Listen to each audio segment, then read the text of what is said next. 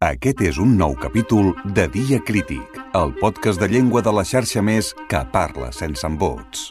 La Diada Nacional de Catalunya 2023 ha estat marcada per la campanya de la Generalitat que ha posat l'accent en el català. Aquesta campanya institucional enfatitzava el català com una llengua viva i vibrant, plural, diversa, compartida i amb molts accents. Així ho expressava el president de la Generalitat, Pere Aragonès.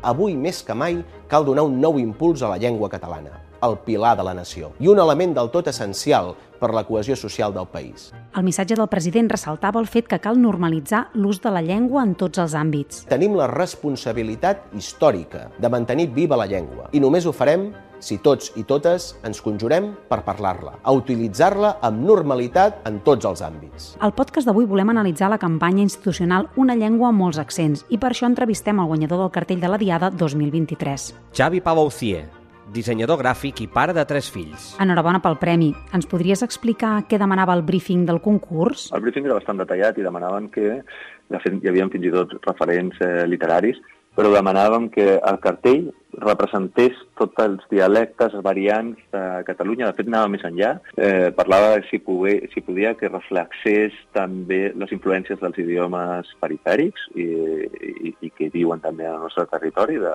de nouvinguts, de gent que està de pas, i que si podia també incorporés fins i tot les noves formes o tendències de parlar de, dels, dels joves, encara que no estiguessin reflexades encara dintre de, normalitzades dintre de la llengua. Però en els cartells que hem vist arreu de Catalunya no s'hi han representat pas aquestes influències externes. En els cartells principals i banderoles i opi a nivell institucional, de més presència, es va optar per grups de mot totalment revisats i, i que fossin correctes. I, per tant, els castellanismes i anglicismes on podien ser representats? A través de l'aplicació que vam crear del meu accent, on ja tenia cabuda realment eh, com parlava tothom a casa seva, fos correcte o no fos correcte. Fos en castellà, fos en anglès, eh, fos, eh, si volien dir parella o crash, o volies dir eh, pataro, o el que, el que fos, no? La, totes les paraules. Quina va ser, doncs, la vostra proposta final? Jo els hi vaig presentar 80 grups de mots, que inclo incloïen paraules en castellà o en anglès, eh, i al final vam utilitzar 10 grups de mots per les aplicacions principals, però generant aquesta aplicació tothom podia, podia generar el seu cartell, no? i dir la seva amb les seves paraules. A les bases del concurs s'incluïa la possibilitat que la proposta final tingués molts colors que era valorable fer propostes amb colors diferents als de la senyera, no? I dius, clar, no, no, no està representat. No vol dir que en el procés no s'hagin fet proves, que se n'han fet, però al final el cartell de diada no pot ser verd i blau, perquè no, no s'entén. Eh, al final hi ha coses que el client pot demanar, però tu després pots convèncer de dir, no, és que no, no té sentit. Eh, tenim una senyera que té uns colors i la diada representa Catalunya i està representada per la senyera. Groc, vermell, tipografia i mots.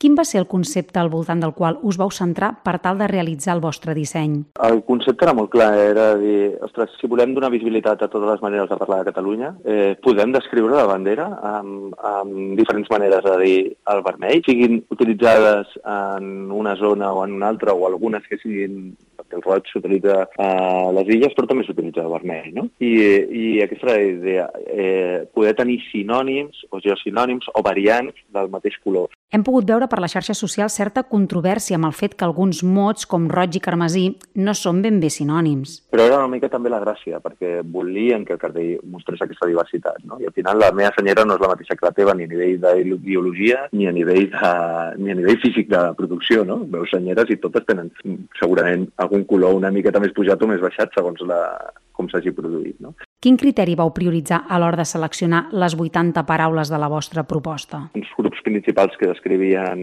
termes més generals de lo que representa la diada, com eh, el, el de festa, amb gresca, xerinola, el de clam, eh, bram, aquesta part més reivindicativa, hi havia el de memòria, de la part més de record, i vam incloure també el de nosaltres com a representació del poble, perquè era un dels grups de mots que té més variables. Quatre grups de mots principals que sintetitzen la Diada Nacional de Catalunya el roig vermell grana carmesí que descrivia la senyera, el nosaltres, naltros, moltros, naltros que descriu el, el poble i els que descrivien les princip els principals actes o, o els principals valors de, de la diada que són aquesta festa celebració, aquesta part de clam, de crit o de reivindicació i la part de memòria i de record. I a nivell personal, què ha significat per tu ser el guanyador de la campanya institucional de l'11 de setembre del 2023? Sent català de naixement i, i catalanista eh, m'ha fet... Eh, ha estat un honor poder participar en això i, i fer la campanya, això inicialment, però quan l'hem vist penjar a tot arreu, eh, tant a nivell personal, eh, els, els companys de l'estudi, com fins i tot els meus fills que estan flipant i van buscant cartells per tota la ciutat i, i quan hem pogut anar a la muntanya ho han vist. Pues a la Vall de Núria hi havia unes banderoles, ha estat molt emocionant, sí. Hem preguntat a un expert per què creu que la proposta de Pelusier Studio havia de ser la guanyadora, i aquesta n'és la seva opinió. Raül Cano, director creatiu de l'estudi de disseny DOC disseny, organització i caràcter. La simplicitat de la proposta en si, que fa molt més fàcil d'entendre el missatge del briefing que es plantejava en el concurs. A banda, ens aporta, el que veiem al cartell, una informació curiosa, que és doncs, de quines diferents maneres es poden dir una mateixa paraula en funció del dialecte o de la zona de Catalunya. Dia Crític, un podcast setmanal amb guió i locució de Gemma Bufies. Hem volgut també portar el micro fins l'ONG del català Plataforma per la Llengua per tal de conèixer la seva opinió sobre aquesta campanya institucional que ha apostat per la llengua. Mireia Plana, vicepresidenta de Plataforma per la Llengua. Qualsevol campanya que faci el govern en favor de la llengua catalana doncs és molt benvinguda, perquè durant molts anys eh, la llengua ha estat la gran eh, assignatura pendent dels governs de la Generalitat, no del govern govern, d'un govern en concret, eh, sinó dels successius governs. Hi ha hagut una deixadesa institucional pel que fa a, a la promoció i al foment de l'ús del català bastant considerable en tots els aspectes. En concret, com es manifesta aquesta deixadesa del govern català? Des de les contractacions públiques, passant per l'etiquetatge de productes, la presència del català a les xarxes, la mateixa presència del català a l'administració, salut, a, a l'administració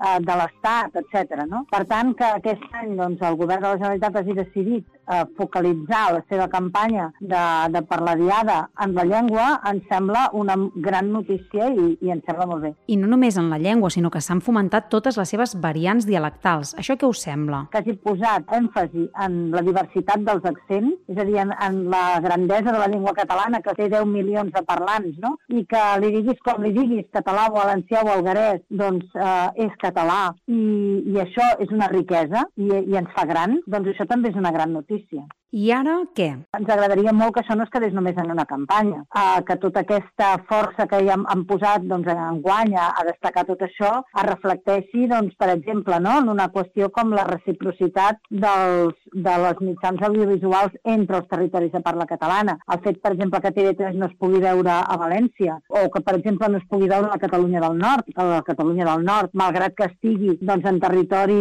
dit francès, és Catalunya igualment. Per exemple, totes aquestes aquestes millores que ara s'han aconseguit doncs, gràcies a l'impuls de la societat civil, evidentment recolzades pel govern, eh, però amb l'impuls de la societat civil a través de l'Aliança per la presència digital del català, en els cercadors, etc. doncs tot això ha d'augmentar i evidentment s'ha de posar un èmfasi molt, molt gran en la defensa de l'escola catalana, en el model d'escola catalana. Última pregunta. Què és el que demaneu al govern de la Generalitat? El que demanem al govern és que faci polítiques proactives en favor de, del català, de l'ús del català, que no siguin reactives només, que no siguin, bueno, ara ens han eh, tret una sentència, ara anem a actuar. No, hem de fer polítiques proactives, polítiques de defensa del català, de la presència del català en tots els àmbits. I per altra banda, també cal que la societat civil s'empoderi en aquest sentit i que, i que no abandoni la llengua tampoc. Per crear oferta és necessari que hi hagi demanda. I fins aquí el podcast de llengua d'avui i que el desig del govern que el català sigui una llengua viva i vibrant i que rebroti, creixi i s'enforteixi fins i tot en les circumstàncies més adverses sigui una realitat. Dia Crític, el podcast de la llengua catalana que posa al punt de mira les fortaleses i les debilitats de la llengua dels països catalans.